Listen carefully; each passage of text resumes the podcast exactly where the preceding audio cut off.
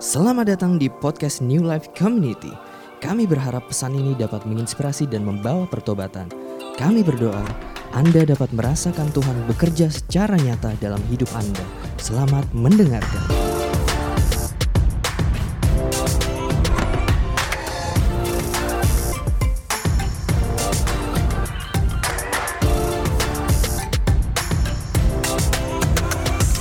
Oke, good morning NLC.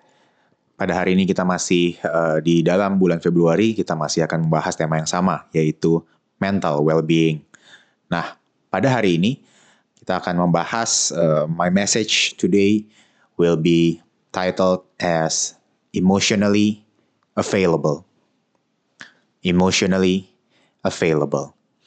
Kita akan membahas bahwa modern people tuh kita sebagai masyarakat modern ini struggle untuk gimana ya untuk untuk bisa jadi real tapi at the same time thrive in our daily life kita uh, kita bergegas berusaha untuk menjadi menjadi kompetitif menjadi sukses menjadi uh, sehat dalam uh, menjadi uh, menjadi sukses dan inspiras uh, inspirasional dalam dalam berbagai macam faktor seperti kesehatan fisik, kesehatan mental, kesehatan finansial dan lain sebagainya. Ada ada berbagai macam uh, well-being, the state state of being well yang kita sering kali coba untuk perjuangkan, tetapi kadang-kadang kita melupakan bahwa kita neglect our own mental and sometimes emotional well-being. Nah, sebelum kita mulai, kita akan uh, memulai dalam doa. Tuhan bersyukur Tuhan apabila hari ini kami semua dapat berkumpul uh, di tempat kami masing-masing hari ini Tuhan kami berdoa dan kami percaya bahwa uh, di mana pun kami berada Tuhan, nggak ada yang menjadi batas, uh, nggak ada yang menjadi dinding bagi kuasamu. Ada di tempat ini Tuhan, ada di tempat masing-masing di mana pun kami berada Tuhan. Siapa pun di antara kami yang haus, siapa pun di antara kami yang mencari jawaban, siapa pun di antara kami yang merasa kering, Tuhan yang menjamah hati setiap kami, Tuhan, Tuhan yang menjamah uh, setiap kami yang sedang mencari jawaban Tuhan hari ini saya merendahkan hati saya sebagai hamba Tuhan supaya uh, pesanmu yang bi bisa uh, tersampaikan kepada hati masing-masing hambamu ini Tuhan. Kami berdoa Tuhan di dalam nama Tuhan Yesus. Amen. So, still continuing on being emotionally available. Di sini di dalam kehidupan biar gampang kita akan saya akan kasih sebuah ilustrasi. Ada ada ada spektrum uh, di mana kita uh, hidup itu ada ada sekitar uh, lima stage lah, sekitar lima tahapan. Tahapan pertama adalah suffering. Suffering adalah stage di mana kita uh, hidupnya menderita. Mungkin kita menderita sebuah ketidakcukupan di dalam berbagai aspek. Secara fisik kita sakit, secara finansial kita kesulitan, dan otomatis ketika kita tidak memiliki kecukupan di dalam berbagai macam hal, sulit bagi kita untuk uh, bisa bahagia, bisa uh, mengejar uh, impian kita katakanlah, bisa menghidupi purpose yang yang diberikan daripada Tuhan. Ketika mungkin ini kalau ekstrimnya dikatakan kita makan aja masih susah. Atau uh, kita dikejar uh, biaya uh, sewa kontrak rumah atau atau cicil rumah dan lain sebagainya. Sehingga kita ada di stage yang sangat sangat sangat uh, tidak memungkinkan bagi kita untuk uh, bertumbuh dan dan dan menjadi uh, dan dan dan sehat secara mental. Nah, stage kedua saya katakan di sini stage of stagnancy. Stagnancy adalah stage di mana kita uh, merasa oh oke okay, uh, udah bagus saya nggak ada di stage suffering lagi buat buat beberapa yang udah pernah atau mungkin uh, beberapa orang yang yang merasa kayak oh it's too much, it's too stressful, apalagi di di Jakarta ini di di, di kota atau di mana pun uh, anda berada, it's too stressful, terlalu terlalu bersaing, orang-orang di luar sana menjahati satu sama lain. Dan saya nggak bisa uh, bahagia, saya tidak saya tidak merasa uh, saya bisa bertumbuh apabila uh, saya memperjuangkan beberapa hal lebih jauh. Dan di sini beberapa orang akan jatuh akan atau akan akan akan menetap di stage stagnancy di mana mungkin ya uh, this is good enough. Ini daripada saya stres, daripada saya um, coba ini itu, saya di sini aja. Uh, dan posisi ini mungkin tidak terdengar semenyakitkan posisi di mana kita masih ada di dalam stage suffering, tapi posisi ini adalah posisi yang sangat berbahaya. Kenapa? Karena di dalam stage ini kita mencoba untuk melindungi diri kita uh, secara mental maupun secara emosional dari serangan-serangan dari luar, dari dari keadaan dan dari situasi karena kita takut akan apa yang dapat terjadi apabila kita uh, screw something up apabila kita gagal dalam melakukan sesuatu. Dan hal ini membuat kita jadi tidak bisa menghidupi purpose yang Tuhan tanamkan kepada setiap kita. Ini yang akan menjadi uh, bahaya. Dan di stage uh, stagnancy ini kita juga dalam bahaya apabila ada ada serangan atau ada ada ada situasi baru kita belum tentu akan bisa menghadapinya. Dan kita akan kembali ke stage uh, ke stage of suffering.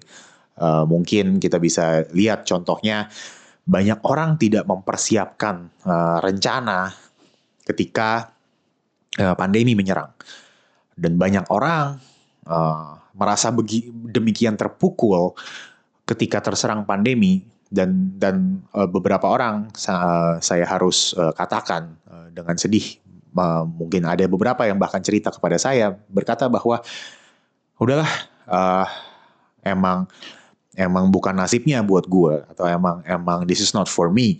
Uh, success is not for me udah bagus gue bisa makan.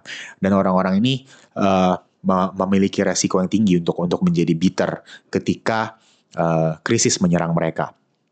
Nah satu stage lebih lanjut kita akan uh, kita ada akan ada di, di di sebuah stage yang ekstrim sebelah satunya lagi yaitu burning out. Di sini uh, ada mungkin apalagi buat uh, modern society yang sekarang ini ada, kita sering kali terjebak dalam uh, yang namanya mimpi kesuksesan atau yang namanya mimpi keberhasilan atau uh, kita hidup di zaman sosial media di mana uh, sukses itu didefinisikan oleh society. Dan begitu uh, nyatanya kita setiap hari lihat di di handphone kita uh, bagaimana orang-orang lain mendefinisikan kata kata sukses atau kata berhasil. Mereka berhasil mendef, mendefinisikan kata bahagia dan kita senantiasa mengejar-ngejar kebahagiaan tersebut sehingga kita membayar apa pun itu harganya kita korbankan kesehatan kita kita bisa mengorbankan relationship kita semuanya kita lakukan untuk katakanlah untuk bekerja. Atau mungkin beberapa dari kita nggak nggak nggak nggak cuma bekerja beberapa dari kita uh, menghalalkan segala cara untuk mendapatkan apa pun itu. Uh, saya bahkan lihat banyak orang yang uh, uh, bukan kenalan saya saya harap uh, ini tidak terjadi pada setiap daripada kita tapi banyak orang yang bahkan harus berbohong uh, ngepost di sosial media dengan cara uh, meminjam uh, meminjam barang bermerek atau uh, dan lain sebagainya. Dan menampilkan itu semua kenapa saya ini sebutkan ini juga masuk ke dalam fase burning out? Karena semuanya akan ketahuan atau akan akan akan revealed pada waktunya. Dan setiap dari kita akan lelah untuk memuaskan ego kita atau memuaskan apa pun itu yang jadi tujuan kita yang yang yang tidak ditanamkan oleh Roh Kudus yang ada pada dalam diri kita, kita suatu saat akan akan ketemu batas daripada uh, daripada apa yang kita kejar-kejar itu dan kita akan merasa burn out. Kenapa kita terus melakukan ini dan dan beberapa dari kita mungkin akan masuk ke dalam suatu masalah untuk harus belajar dengan dengan dengan susah bahwa kayak oh kenapa ya? Kenapa saya oh, burning out? Kenapa saya capek banget hidup kayak gini? Kenapa saya harus uh, merasakan seperti uh, seperti ini terus? Saya ngerasa dari luar saya terlihat oke okay, tapi di dalam tidak ada yang namanya kepuasan tidak ada yang namanya bahagia. Nah ada satu stage yang lebih baik daripada ini adalah contentment. Contentment adalah ketika kita akhirnya berhasil menemukan sebuah keseimbangan. Di uh, ada satu stage di mana kita uh, mengalami yang namanya kayak oh saya di sini merasa cukup, Saya tidak uh, harus please anyone. Saya tidak uh, saya hidup untuk uh, diri saya, untuk Tuhan dan orang-orang yang saya kasihi. Di sini saya merasa cukup. Di sini saya merasa sehat. Dan di sini adalah keseimbangan yang banyak orang cari-cari. nah, di sini uh, kita ngerasa bahwa oh, mungkin kita ada di keadaan di mana uh, kita secara finansial sehat, kita mulai berinvestasi, kita uh, memiliki relationship yang sehat dengan dengan satu sama lain di sini kita merasa konten. Tapi mungkin saya juga mau memperkenalkan lagi satu stage lebih lanjut yang yang di sini di mana beberapa orang merasa sudah cukup berhenti sampai di sini. Dan ini bukanlah sebuah stase yang buruk, tapi di sini kita akan terperangkap dalam jebakan kenyamanan, dalam jebakan comfort. Keadaan di mana kita ngerasa ya udah, apalagi habis ini. Dan ini adalah uh, keadaan di mana Daud sudah sukses jadi raja. Dan ini uh, dan mungkin banyak di antara kita yang tahu apa yang terjadi pada Daud setelahnya ketika dia terjebak dalam kenyamanan dosa mulai datang to creep in and and and poke at at David for being uh, lenient, for being negligent to God's purpose.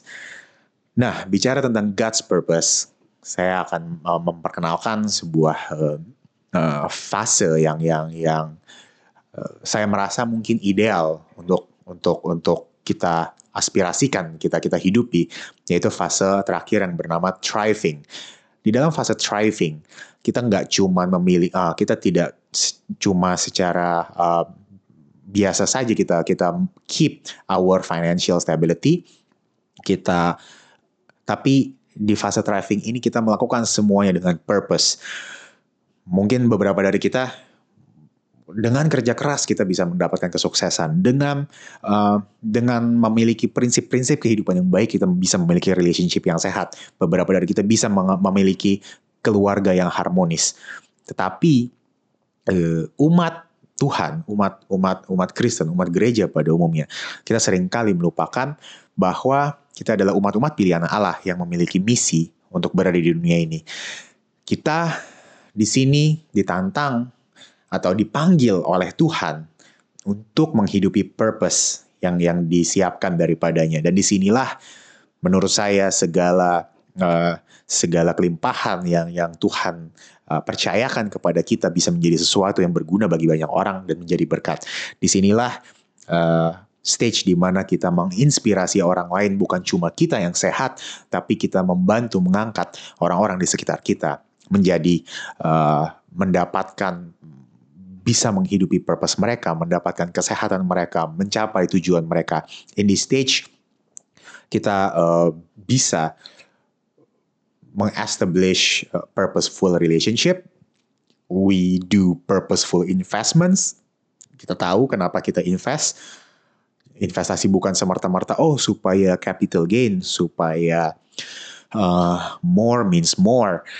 Tapi kita berinvestasi kami kita berinvestasi waktu kepada uh, pada discipleship, kita berinvestasi uang kepada charity. This is another stage called thriving, where we who are healthy and in in a state of well-being be able to inspire others to attain the same stage. Nah, di sini di di sini ada sebuah perjalanan emosi atau perjalanan uh, pertumbuhan kedewasaan yang setiap dari kita mungkin akan alami. Atau beberapa dari kita mungkin ada uh, berpindah-pindah stage uh, tergantung keadaan kita uh, di mana kita berada di uh, sini hari ini uh, di stage di stage mana kita hari ini berada.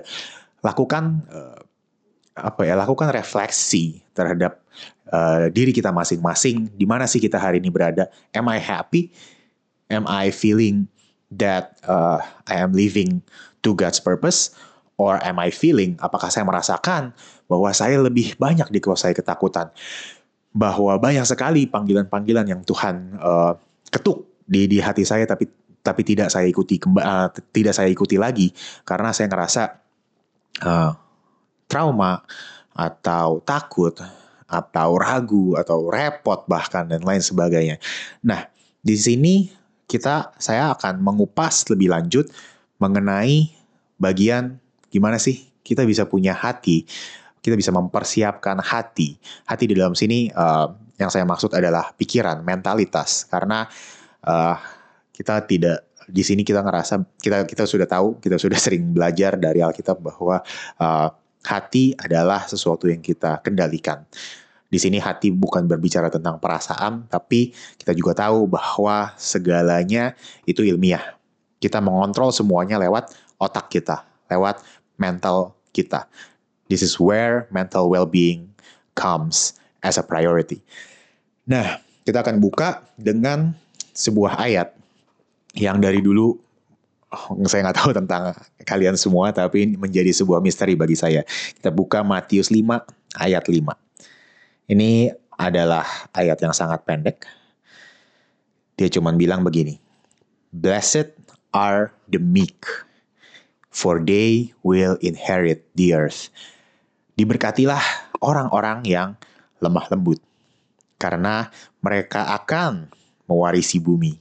Wow, saya dulu mikir gitu pas saya baca, Hah, ken kenapa orang lemah lembut akan mewarisi bumi. Kayaknya ada ada ada sebuah journey yang panjang yang nggak dijelasin di sini gitu. Jadi nyambungnya gimana? What is uh, step-stepnya apa gitu? Lemah lembut. Uh, jadi mewarisi bumi itu apa maksudnya? Nah, di sini di sini benar-benar uh, menarik menurut saya. Kenapa? Karena Tuhan itu nggak pernah asal ngomong. Tuhan Yesus tidak pernah asal ngomong. Kita kita memang gimana ya? Sebagai manusia masa sih uh, kita dilahirkan un, uh, kita diciptakan oleh oleh oleh Tuhan uh, bisa merasakan begitu banyak perasaan. Kita bisa senang. Kita, kita gini ya, ketika kita menginjak dewasa kita ngerasa emosi itu ada banyak sekali jenisnya. Enggak enggak kalau kalau mungkin kita waktu kecil itu kita cuma ada kayak marah uh, seneng sedih uh, apalagi ya takut atau uh, ragu dan lain sebagainya. Tapi ketika kita dewasa kita ketemu berbagai macam ekspresi yang lain yang sangat kaya kita kita tahu bedanya oh uh, seneng sama excited. Uh, bahagia konten puas joyful sukacita uh, relief lega. Kita tahu yang namanya sedih tapi kita juga tahu sedih yang karena apa? Sedih karena kita marah ataukah uh, perasaan dendam ataukah perasaan pahit hati atau kita juga bisa ngerasakan takut. Ada juga ada juga takut yang takut yang exciting beberapa dari kita mungkin pernah tahu rasanya uh, mau naik jet, mau naik roller coaster gitu. Beberapa dari kita atau beberapa dari kita non suka nonton film horor. Saya nggak suka. Saya nggak tahu kenapa uh, anda sekalian bisa suka. Tapi karena saya sangat suka adrenalin rushnya naik roller coaster, saya ngerti gitu rasanya bahwa ketika saya mau naik, saya begitu takut. Tapi ada perasaan ada ada excitement ada ada perasaan uh, seru gitu mengalir di di dalam uh, uh, adrenalin hormon saya yang mengatakan bahwa this is going to be amazing. And kita ngerasain emosi-emosi itu. Kita kita tahu bahwa hal-hal inilah yang membuat kita hidup. Kita tahu bahwa uh, kesenangan, kepuasan ketika kita um, berhasil uh, menangin sebuah tender buat buat pengusaha atau berhasil dapat nilai 100 dalam ujian. Itu juga adalah kesenangan yang berbeda dengan ketika kita pertama kalinya uh, confess perasaan kita ke gebetan kita dan dan diterima atau kebahagiaan yang berbeda juga ada ketika kita pertama kali pakai gaji pertama kita untuk untuk beliin orang tua kita kado. There is a rich range of emotion that can be felt. Lebih banyak dari kita sayangnya di modern society ini harus belajar, harus belajar untuk invalidate hal itu semua karena kita tersakiti. Klasik banget ya, klasik banget. Tapi banyak dari kita yang merasa sedemikian tersakiti, kita menjadi orang-orang yang emotionally unavailable. Emotionally unavailable. Kalian mungkin term term itu baru di coin tuh kayak beberapa tahun belakangan ketika banyak orang jatuh terhadap eh, ke dalam jurang depresi, jatuh ke dalam anxiety, jatuh ke, ke banyak mental disorder lainnya karena dunia semakin lama semakin stressful. Kita tahu persaingan semakin ketat. Uh, wajar wajar sekali gitu. Kita di sini di, di bahkan Alkitab mengatakan bahwa dunia akan semakin jahat.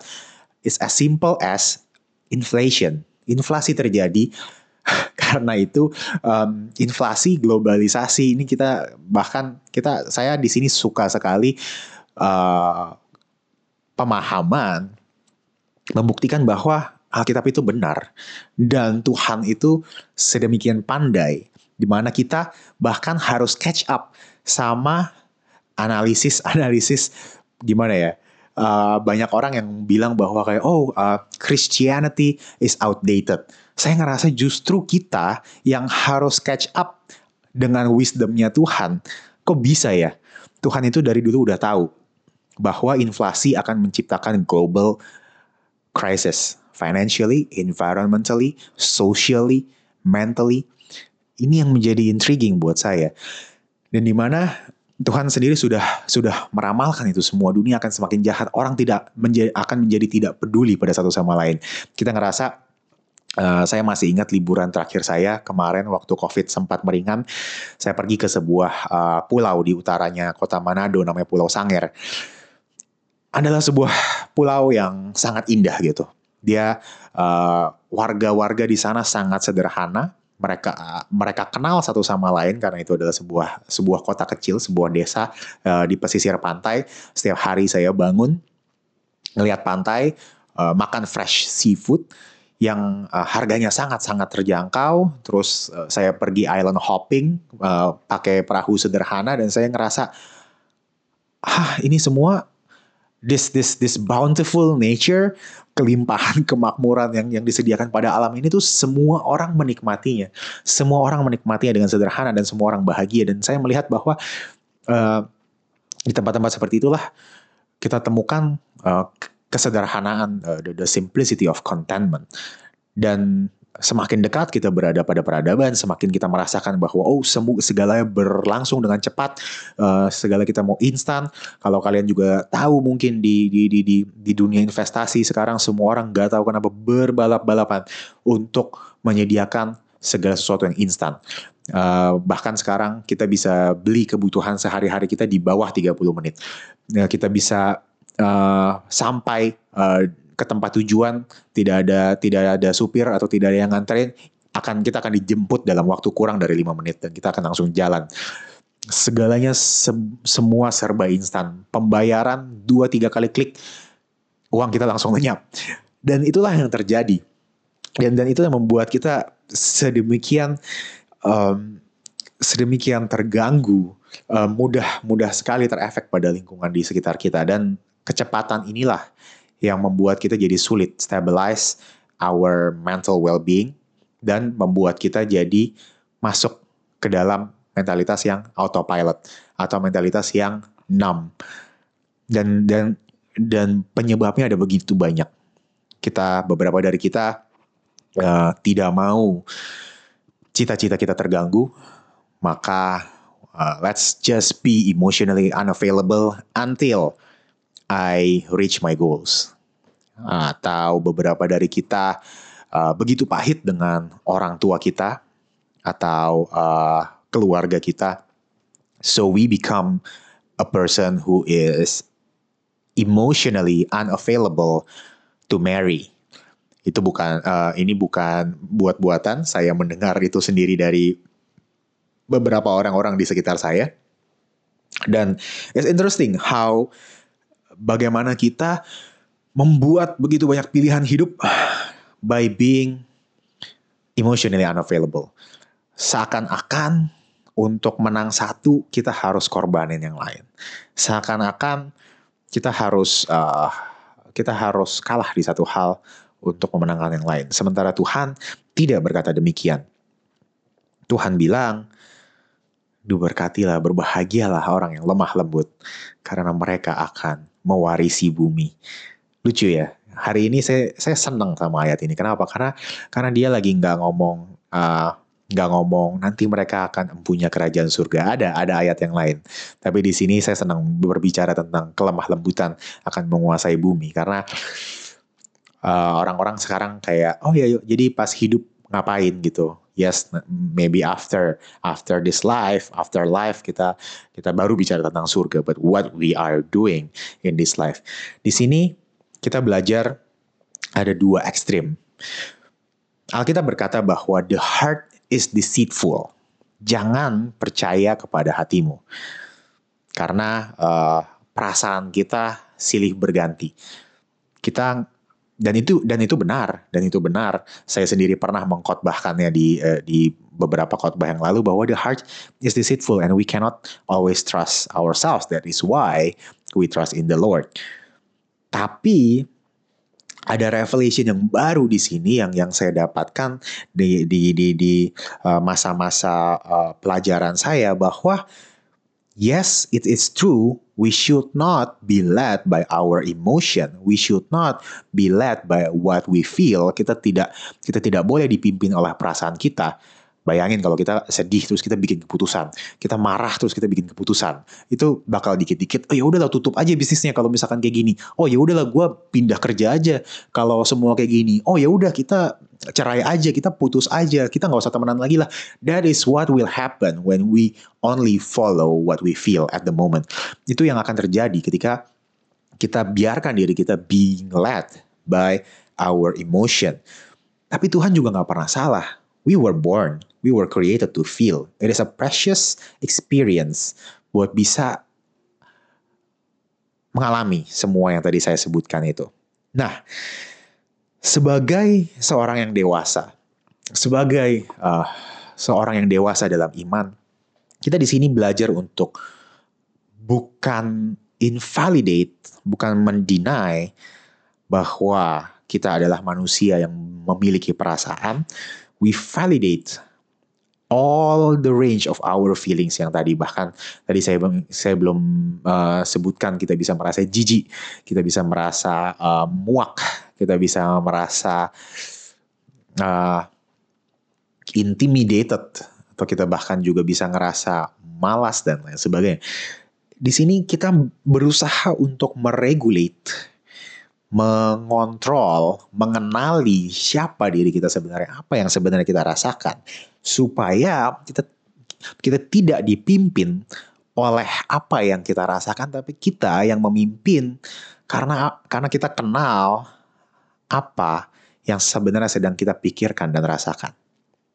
We regulate and allow ourselves to feel because to have the heart of worship. Kita di sini kan kita sering ngomong ya kayak oh aku mau punya hati seperti hamba, seperti Raja Daud yang setelah menjadi raja dia masih masih berdansa dan bernyanyi untuk Tuhan ya.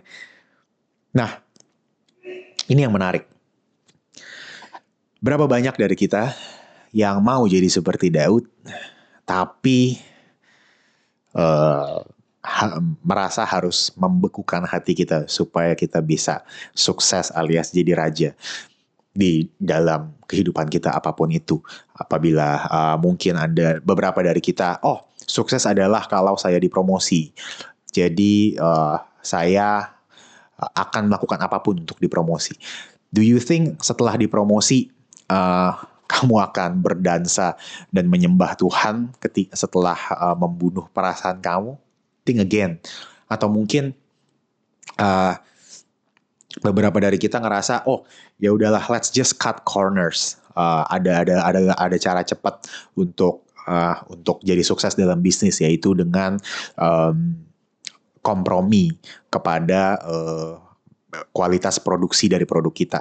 Do you think after we make it, after you make it, uh, Anda akan merasa bahagia dan puas dan bisa memuji Tuhan atas keberhasilan tersebut?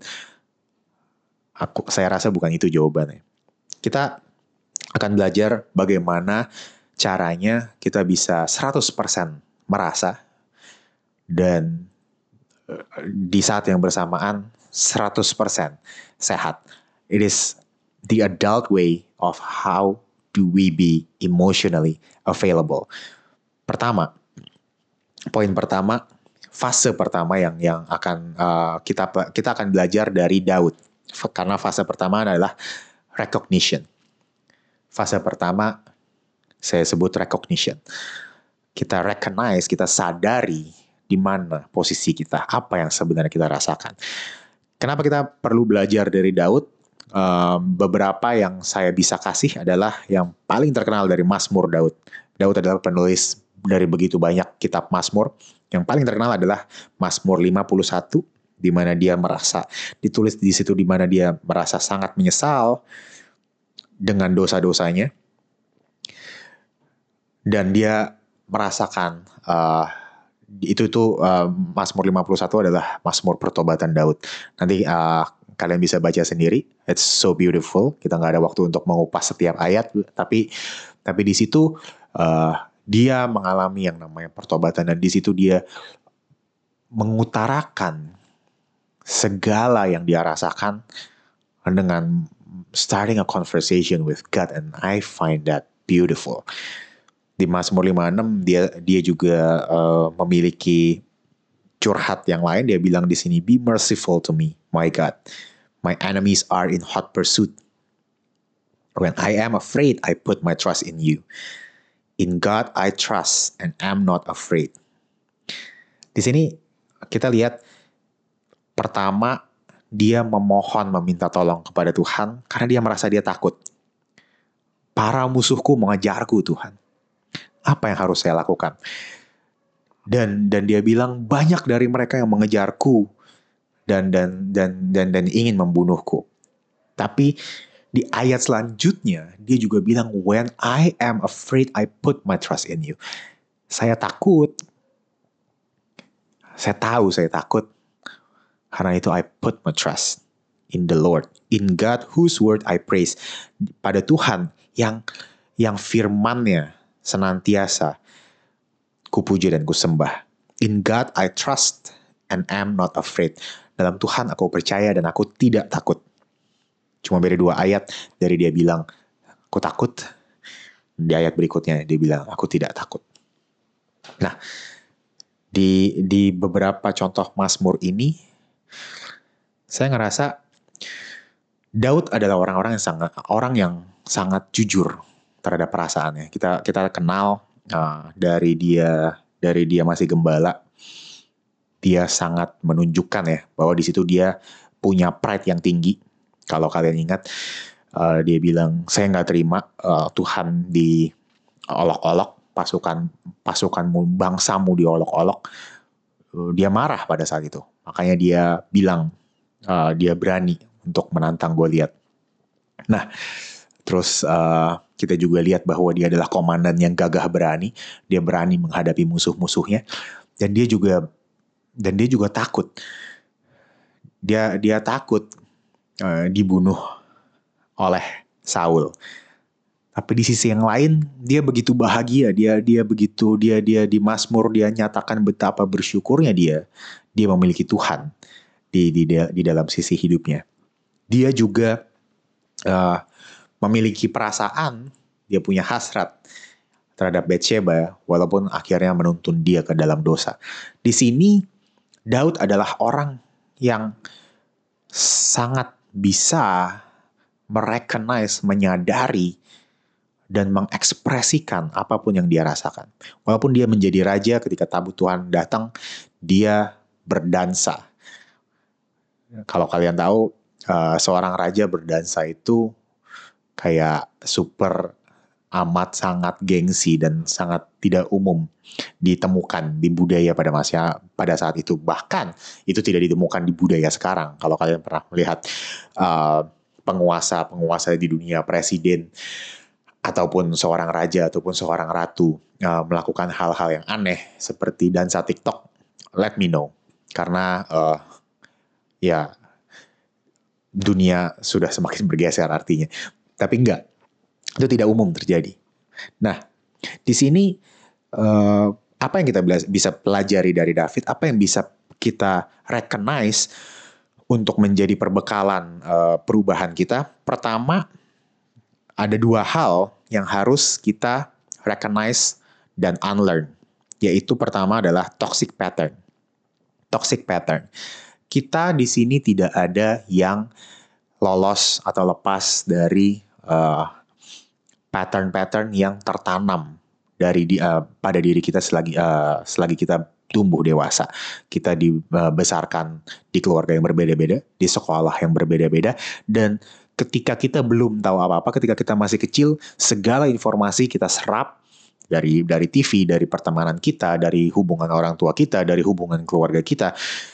Dan tanpa sadar kita mendevelop pattern-pattern yang kita percaya normal untuk uh, untuk kita miliki. Tetapi sebenarnya itu sesuatu yang bisa kita unlearn. Kita kita beberapa contoh adalah codependency. Codependency adalah sebuah pattern di mana kita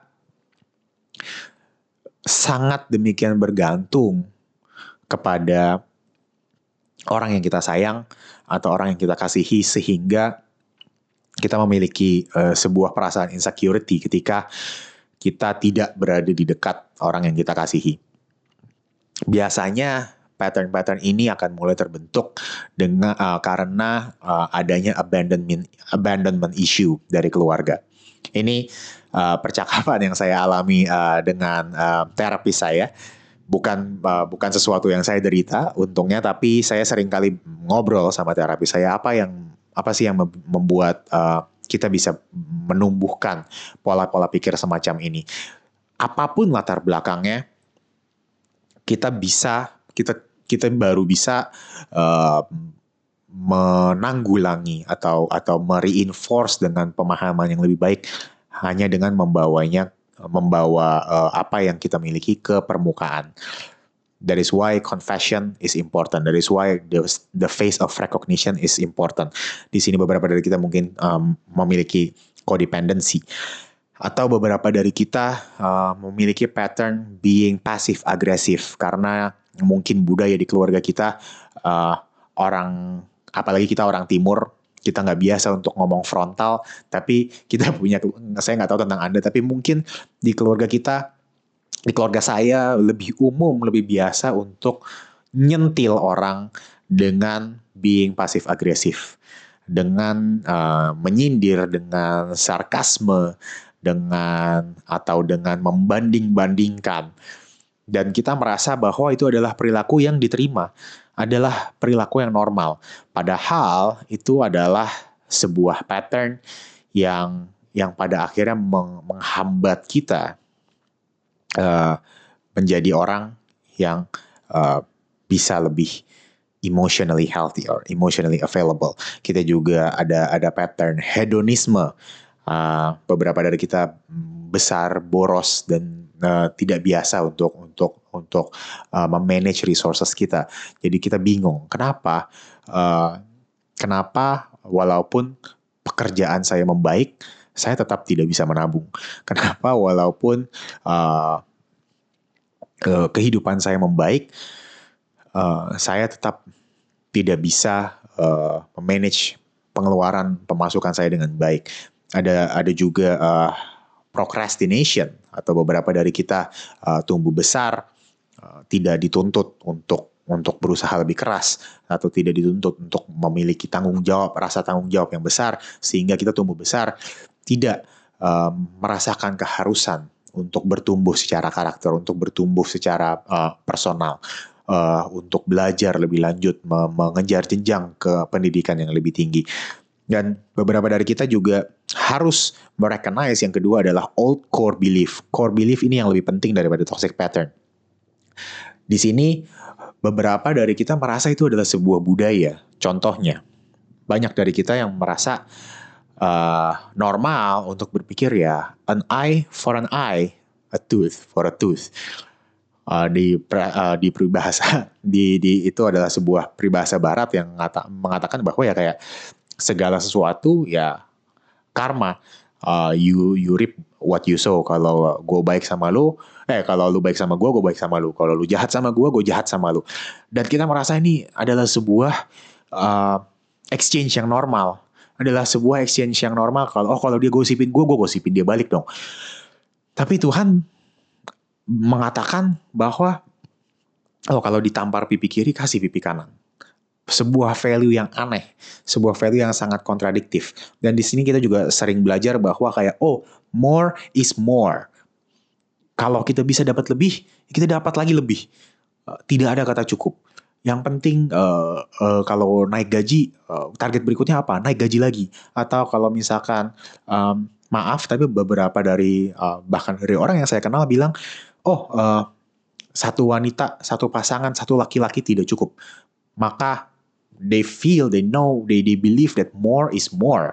Di sini akan akan terjadi uh, siklus atau pattern di mana kita tidak tahu bahwa hal yang kita rasa natural itulah yang menjadi batu sandungan bagi bagi kita. Dan dan di situ kita bisa ngelihat seberapa banyak dysfunction yang terjadi gitu. Beberapa dari kita ngerasa oh uh, kenapa ya orang itu kayak nggak ada nggak nggak ada perasaan gitu. Atau di sini uh, ada ada ada ada uh, konsep juga yang namanya white lies. Kalau kalian tahu uh, little white lie. Oh itu berbohong untuk kebaikan padahal Tuhan bilang berbohong adalah berbohong. Integritas adalah integritas. Uh, dan di sinilah uh, kita harus recognize apa sih yang menjadi uh, our own uh, the, the the the things that are holding us back. Di sini Daud uh, yang yang yang kita perlu pelajari dari Daud adalah bagaimana dia tersungkur kepada Tuhan. Dan dia berkata, "Tuhan, aku tahu pelanggaran-pelanggaran yang telah kubuat, kejahatan-kejahatan yang telah kulakukan." Dia tahu persis bagaimana dia membenci.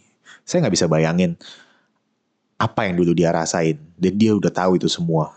Mungkin dia iri, sama Uria atau mungkin dia benci atau mungkin dia uh, benci sama Saul. Kita nggak ada yang tahu. Karena karena di Alkitab mungkin yang kita lihat adalah highlight dari kehidupan Daud. Tapi apa pemikiran-pemikiran Daud pada saat itu? Apakah dia takut? Apakah dia benci marah dengki dan lain sebagainya? Itu semua dia bawa kepada Tuhan. Sehingga kita lihat di sini Daud bertumbuh secara karakter. Dia berevolusi. That isn't is that not the beauty of of of the journey of faith. Kita bisa lihat uh, Petrus baru bisa menjadi uh, that Peter the rock of our church. Itu setelah dia harus menangis semalaman karena menyangkal Yesus tiga kali. Di situ dia, di situ dia sangat menyesal. Dan saya yakin yakin sih yakin yakinnya di sini mungkin nggak nggak nggak nggak ada quote-nya apa yang dia katakan di doa tapi he might have said in his prayers bahwa Tuhan aku tahu apa yang kulakukan. I know exactly what I did. Karena itu aku nggak mau kayak gitu lagi. That kind of change is what transforms us. That kind of change is what actually changes a man of faith, like like Simon, uh, Simon jadi Petrus, Saulus jadi Paulus. Ketika ketika mereka menyadari, recognize, Saulus Saulus berkata bahwa aku telah berdosa, aku telah membunuh, I have persecuted your own people. Aku telah menyiksa uh, orang-orang umat-umat uh, umat-umat yang percaya kepadamu. Dan di situ mereka menemukan their own turning point. Dan di sinilah kita tiba ke fase 2, yaitu definition. After we unlearn, we relearn apa sih yang seharusnya jadi prinsip hidup kita, apa yang seharusnya Uh, bagaimana kita setelah kita menyadari oh oh ternyata uh, saya orangnya kayak gini ya. Ternyata saya orangnya uh, perlu belajar untuk uh, lebih generous karena uh, karena uang tidak bisa dibawa mati. Itu kan hal-hal yang banyak sekali yang kita perlu uh, perlu explore dalam diri kita. Tapi kita nggak bisa cuman unlearn dan tidak punya pegangan sama sekali. So we need to relearn our core values, our core belief. Bagaimana caranya? Di sini kita akan belajar dari tokoh Alkitab yang lain, yaitu Sadrak, Mesak, dan Abednego kita di sini nggak akan uh, buka banyak ayat, tapi kita tahu di sini apa yang mereka lakukan. Mereka adalah uh, figur yang terkenal, memiliki conviction atau keyakinan yang sangat tinggi kepada core values mereka, yaitu mereka percaya pada the God of Israel. Mereka tetap berdoa kepada Allah Israel yang pada pada zaman itu uh, belum ada uh, belum ada Tuhan Yesus belum lahir mereka menyembah Allah uh, Allah Israel mereka berani mengumandangkan uh, nama Allah Israel sehingga mereka uh, di hukum hukuman mati oleh Raja Nebukadnezar. Nah, di sini kita akan belajar tentang core values. Core values adalah nilai-nilai utama yang menjadi pegangan atau pedoman kita dalam hidup sehingga kita bisa tahu sebenarnya apa sih yang kita mau Nah, di sini kenapa uh, this kind of core values and conviction is very important? Karena ini yang akan membuat kita tidak ragu akan akan jalan yang kita pilih. Ini yang membuat kita uh, memiliki keyakinan bahwa hey, this is what I love doing. This is why I live. This is why I keep doing what I do. Berapa banyak dari kita yang uh, harus again jadi emotionally unavailable gara-gara saya pikir kalau jadi kaya masalah saya selesai.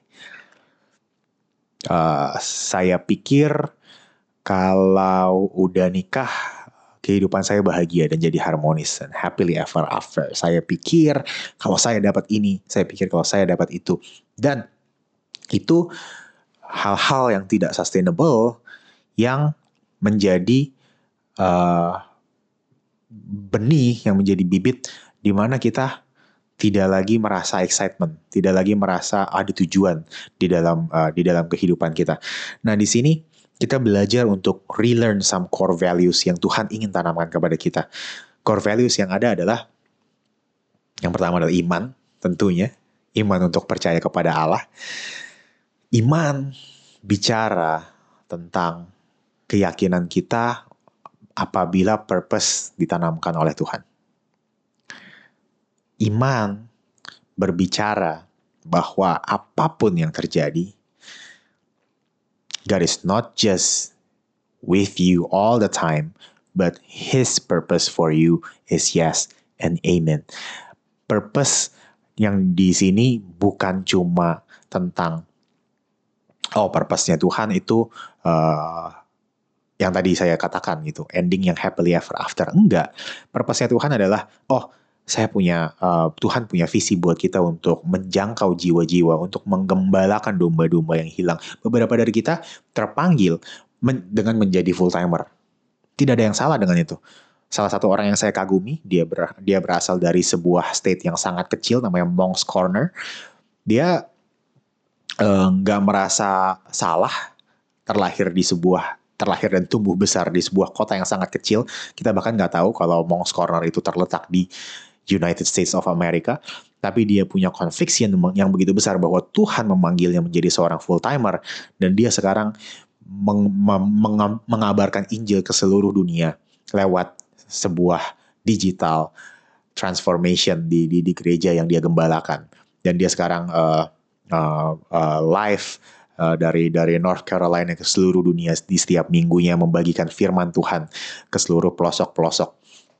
Dan saya merasakan bahwa that kind of conviction, that kind of conviction, kind of faith adalah yang yang yang mendrive uh, setiap kita untuk untuk dapat menghidupi purpose yang Tuhan tanamkan. Mungkin beberapa dari kita uh, memiliki purpose untuk uh, untuk menggembalakan domba-domba dengan dengan memimpin uh, di perusahaan tempat kita bekerja atau atau uh, menjadi ketua organisasi di di universitas tempat kita belajar atau beberapa dari kita membangun bisnis sendiri dan kita dan kita bisa belajar menggembalakan domba-domba dan dan menginspirasi orang-orang akan nilai akan akan nilai dari daripada Tuhan Yesus yang kita pelajari setiap minggu daripada daripada firman untuk menghidupi uh, purpose yang Roh Kudus tanamkan di mana pun kita berada. In in this core values we learn about integrity, we learn about uh, God's humility, we learn how to be sincere karena this this kind of core values yang akan yang akan uh, diuji pada kita ketika kita don't feel like it. Waktu kita lagi nggak punya uang, apa yang terjadi pada kita? When we have a core value of generosity, kita masih akan memberi dari kekurangan kita. Percayalah. When we believe, when we have the core values of humility, ketika kita ketika kita relearn uh, bahwa status dan kekuasaan tidak perlu mengubah kita. When we learn humility, kita tahu bahwa nanti setelah kita sukses, setelah Tuhan percayakan kita lebih, kita nggak perlu berubah jadi orang lain dan kita tidak perlu dikuasai oleh apa yang sudah kita dapat. Kita nggak dikuasai oleh uang, kita nggak dikuasai oleh status, kita nggak dikuasai oleh popularitas, kita tidak dikuasai oleh Instagram followers, kita nggak dikuasai oleh angka-angka algoritma sosial media kita. And And the conviction adalah di mana kita bisa yakin bahwa come hell or high water, my heart is still with the Lord. Di sini uh, kita belajar uh, Sadak Mesak Abednego yang bilang kayak even if we have to die in the fire, we will still believe in the Lord. Berapa banyak dari kita yang terlena mengejar impian-impian yang fana dan waktu kita nggak dapat kita ngerasa kenapa ya gue kejar-kejar itu atau bahkan waktu kita dapat dan kita ngerasa senangnya itu cuma sekejap aja dan kita kembali bertanya-tanya kepada Tuhan why? Why? Dan kita mulai akan merasa iri gitu. Kita akan mulai merasa iri. Saya pernah uh, menghadiri uh, sebuah acara sumbangan perusahaan yang saya kerjain, perusahaan yang jadi project saya kita kita nyumbang kepada yayasan ini.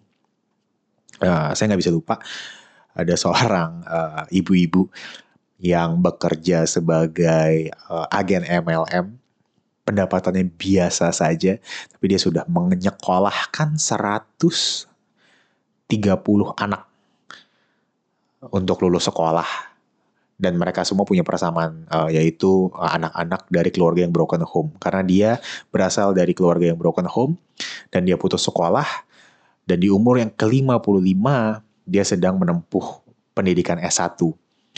Gerakan yang dia pimpin sudah menghasilkan 4 sarjana S1 dan puluhan lulusan SMA yang sebentar lagi akan jadi 100 uh, 1 2 tahun ke depan ini. Dan saya merasa that kind of conviction keyakinan yang yang yang dia pegang teguh core values yang dia pegang teguh yang menjadi drive yang menjadi uh, nafas kehidupan bagi dia dia sekarang tidak uh, tidak memiliki keluarga lagi dia dia belum berkeluarga lagi setelah dia harus broken home uh, setelah dia harus uh, mengalami trauma tapi dia dapatkan kembali, dia relearn how to live dengan memilih dengan menjawab panggilan itu secara penuh tanpa penyesalan sedikit pun.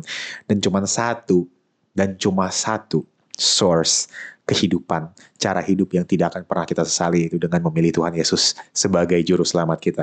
And that is the very definition of being a Christian. Setelah kita memilih Tuhan Yesus sebagai Tuhan dan Juru Selamat, apa yang akan kita lakukan kepada kehidupan kita? Apa yang Tuhan panggil? Apa yang sebenarnya dari dulu udah Tuhan tanamin? Tapi kita tak terlalu takut untuk mengambil.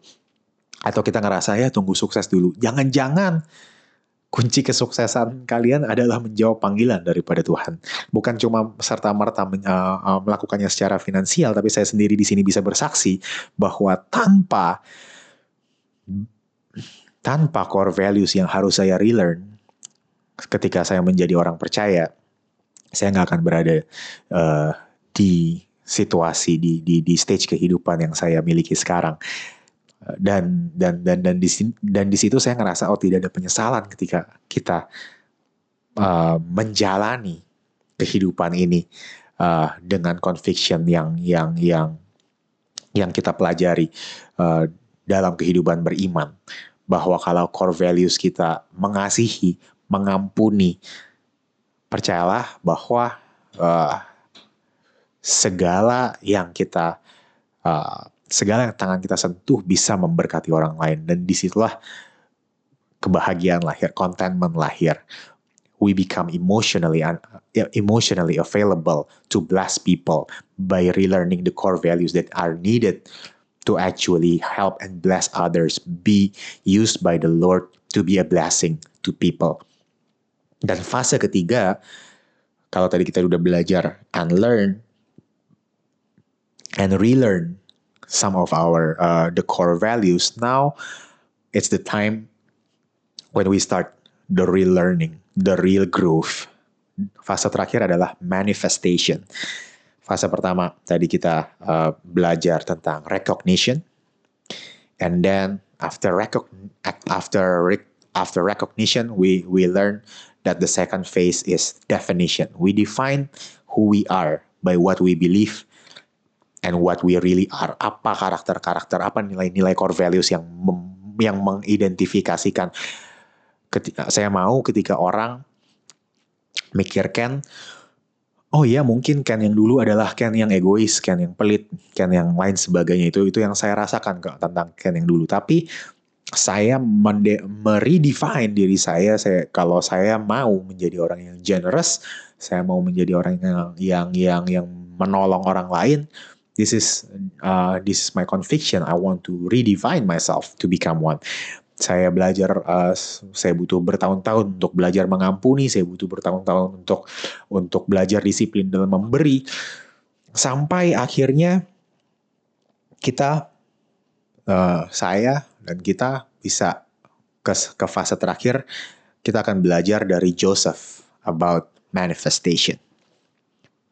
Joseph adalah Uh, kalau kalian uh, pernah dengar beberapa sharing saya sebelumnya, Joseph adalah salah satu uh, tokoh Alkitab yang menjadi favorit saya. Karena dia adalah orang yang benar-benar uh, start dari nol, menghidupi purpose-nya, menghidupi panggilannya sampai dia mendapatkan atau memenangkan hati semua orang uh, from zero to hero.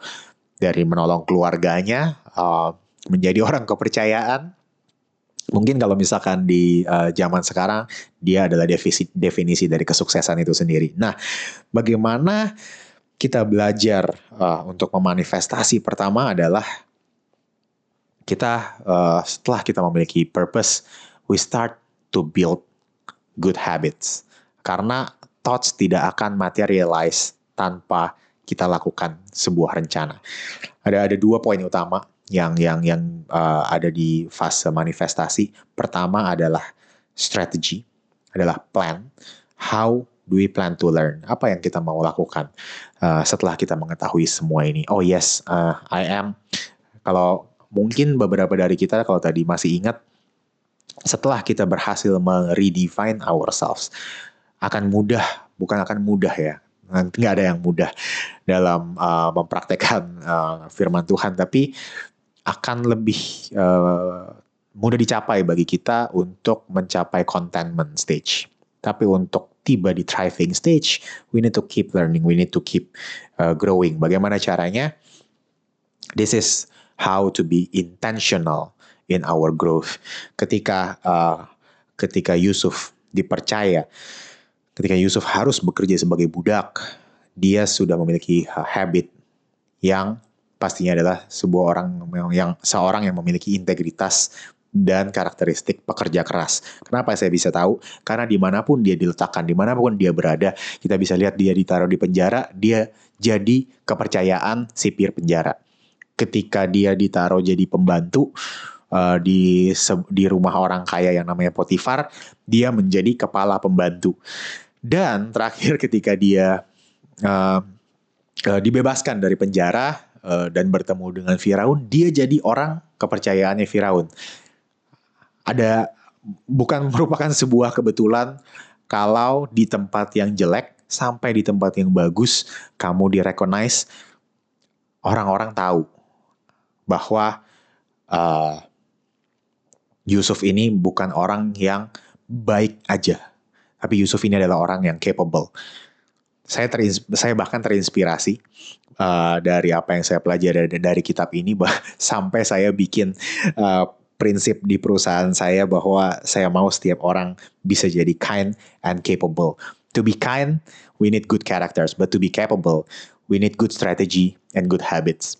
Nah, di sini kita bula kita uh, mulai tahu gitu. Oh, apa yang akan saya lakukan dengan talenta yang Tuhan berikan kepada saya uh, dan apa yang ingin saya uh, lakukan.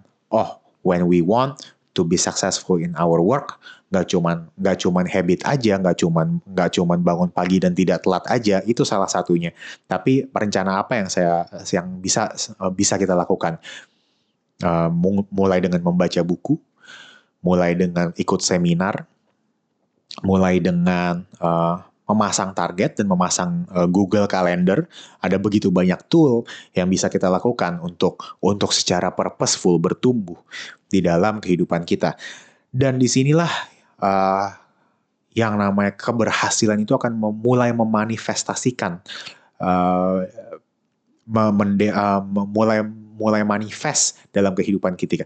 Kita ketika kita terus menerus konsisten dalam belajar bertumbuh dan bekerja keras ketika kita konsisten menjadi teman yang baik manifestasinya adalah tanpa sadar kamu nggak akan lagi ngerasa hidup sendirian karena kamu banyak teman, kamu adalah teman yang baik. Ketika kita konsisten belajar, maka uh, pintar itu bukanlah aspirasi lagi. Pintar adalah uh, testimoni yang orang berikan kepada kita.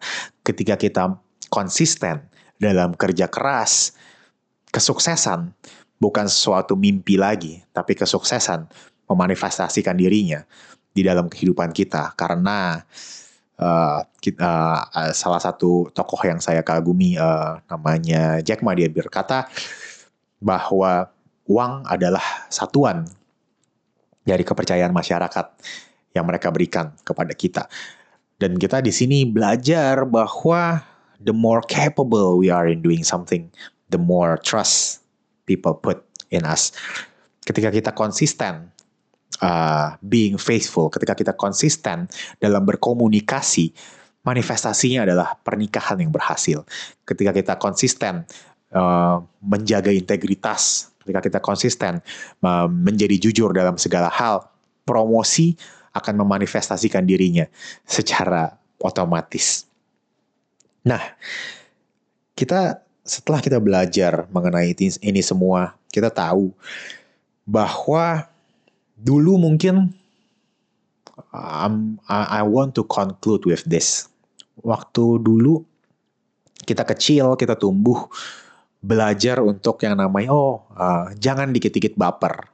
Karena kita belajar bahwa sering kali perasaan kita menyabotase kehidupan kita ketika kita galau, oh jadi sedih berlarut-larut. Apalagi waktu kita remaja, saya yakin semuanya pernah uh, mengalami yang namanya sakit hati, patah hati pertama kalinya. Dan itu kayaknya oh sedih bisa berbulan-bulan. I don't know about you guys. Waktu waktu saya pertama kali patah hati itu lama banget pulihnya sampai ya lucu aja gitu. Diketawain sama papa mama saya, diketawain sama teman-teman saya. Saya masih ingat sampai sekarang. Nah, jadi dengan dengan pengalaman itu Uh, atau waktu itu saya juga pernah mengalami yang namanya gagal bisnis.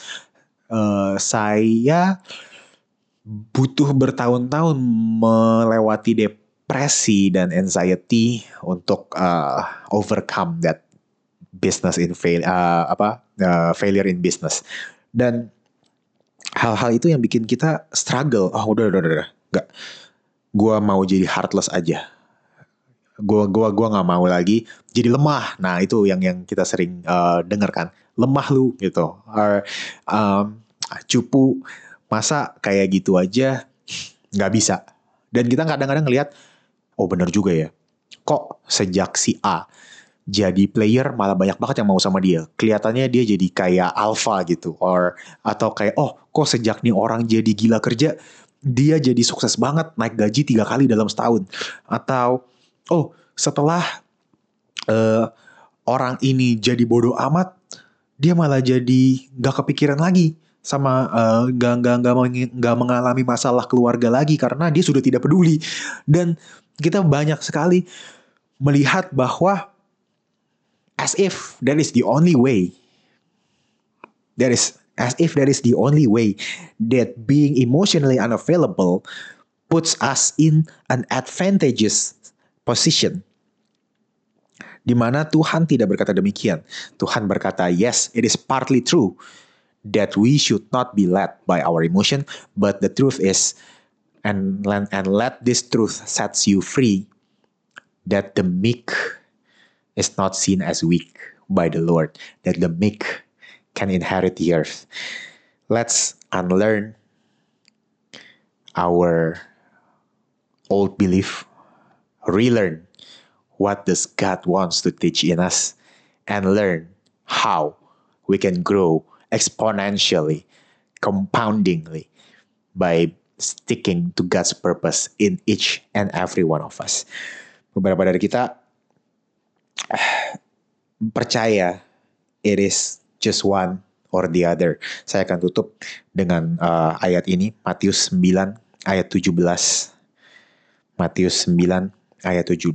Matthew 9 verse 17 it says neither do people pour new wine into old wineskins.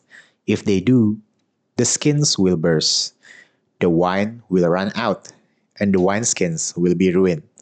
No, they pour new wine into new wineskins, and both are preserved. Guys, it is never one or the other. Jangan biarkan tipu daya iblis atau jangan biarkan the heart, our heart that is deceitful, play trick on us. It is easy. Gimana ya? Kenapa? Kenapa our heart is deceitful? Simple jawabannya kita nggak nggak suka yang namanya ngerasa yang namanya sakit ya nggak sih kita nggak suka yang namanya aduh nggak mau lagi ngulangin kesedihan itu jadi lebih baik uh, let's be emotional and available. Nggak mau lagi uh, ngerasain humiliation itu. Maka uh, kita akan melakukan A atau B dan lain sebagainya.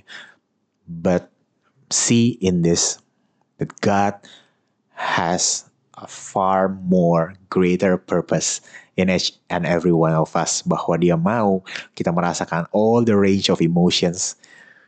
Maka dia bilang uh, uh, memilikilah hati seperti anak kecil. Stay childlike. Tulus seperti merpati cerdik seperti ular. It is never one or the other. Saya berdoa hari ini kita bisa belajar untuk menjadi dewasa dalam iman. Kita bisa belajar uh, untuk mengenali diri kita lebih dalam, to unlearn and relearn, supaya kita bisa menjadi uh, seorang yang dewasa dalam iman, seorang yang Tuhan Yesus uh, katakan bisa merasakan seperti Daud, merasakan kebaikan Tuhan karena because it's just too good to be missed. I want you to be joyful when you experience your uh, your first wedding, your first success.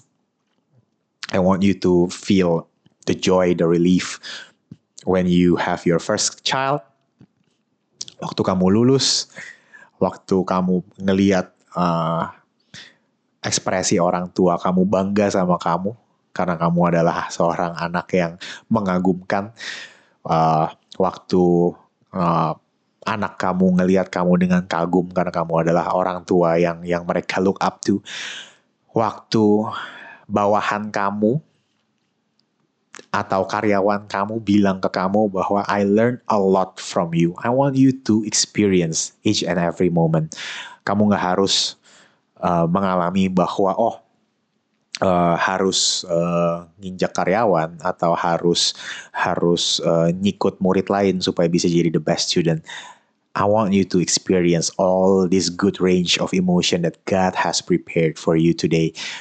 And and I pray, saya berdoa agar uh, supaya pesan uh, hari ini bisa sampai ke hati setiap kita supaya kita bisa uh, belajar untuk menjadi dewasa dalam iman. Kita akan tutup dengan doa Tuhan. Kami bersyukur apabila hari ini kami bisa uh, berkumpul belajar sesuatu dari firman-Mu Tuhan. Kami percaya that something new is coming. Hari ini beberapa dari kita uh, we are living in our old wineskin. Beberapa dari kita uh, hidup dengan dengan kepercayaan yang lama dan kami wonder kenapa uh, kenapa kami susah sekali untuk keluar kenapa kami susah sekali untuk mengubah uh, nasib takdir kami hari ini Tuhan kami mau unlearn itu semua kami mau let the old wineskin go so that we can use the new wineskin the uh, the new life that you have given to us kehidupan baru yang engkau persembahkan kepada kami pengampunan yang telah engkau berikan kepada kami uh, di di kayu salib Tuhan untuk mentransformasi setiap kami supaya kami bisa relearn the core values of Jesus Christ, the core values of Jesus uh, yang yang penuh dengan kasih, yang penuh dengan iman dan penuh dengan pengharapan Tuhan. Kami mau belajar cara hidup yang baru Tuhan. Allow us to live in those new wineskins so that we can contain new wine in each and every one of us so that that new wine will manifest in all kind of goodness in our lives kami percaya, kami berdoa Tuhan, uh, kami juga berdoa di untuk setiap kami yang yang nonton ini, uh, ini pertama kalinya Tuhan. Apabila uh, beberapa dari kami merasa buntu, beberapa dari kami merasa begitu terbatas, uh, ternyata uh, ada sesuatu yang menggerakkan hati Anda setiap kali nama Yesus disebut. Hari ini saya mau berdoa untuk jiwa-jiwa itu Tuhan. Uh, apabila Engkau kami percaya Engkau dapat menjangkau, menjamah setiap hati daripada mereka Tuhan. Uh, if that is you, dalam hitungan ketiga, taruh tanganmu di dada, saya akan berdoa satu, dua, tiga ya Tuhan. Kami uh, melihat orang-orang uh, yang memberikan hati kepadamu Tuhan. Kalau mereka hari ini mau mengenal Yesus sebagai juru selamat dan Tuhan yang berkuasa di atas mereka Tuhan. Kami bersyukur kami berdoa kepada setiap jiwa yang ada, kepada kepada jiwa-jiwa yang telah meletakkan tangan di dada bahwa this will be the last day they all they they live mereka hidup di di, di kulit anggur yang lama Tuhan biarkan the new wineskin uh, Uh, mentransformasi kehidupan mereka Tuhan dan Engkau yang menuangkan sesuatu yang baru dalam kehidupan mereka supaya kehidupan mereka melimpah ruah dengan kebaikan dan Engkau uh, dapat menunjukkan janjimu Tuhan yang ajaib, yang baik kepada kehidupan setiap mereka semua dan setiap kami yang mendengarkan firman Tuhan hari ini. Kami berdoa Tuhan, kami tutup ibadah hari ini di dalam nama Tuhan Yesus. Terima kasih sudah mendengarkan podcast ini. Kami berdoa Anda diberkati melalui pesan yang telah disampaikan. Mari sapa kami melalui Instagram at dan bagikan pesan ini supaya lebih banyak orang yang diberkati.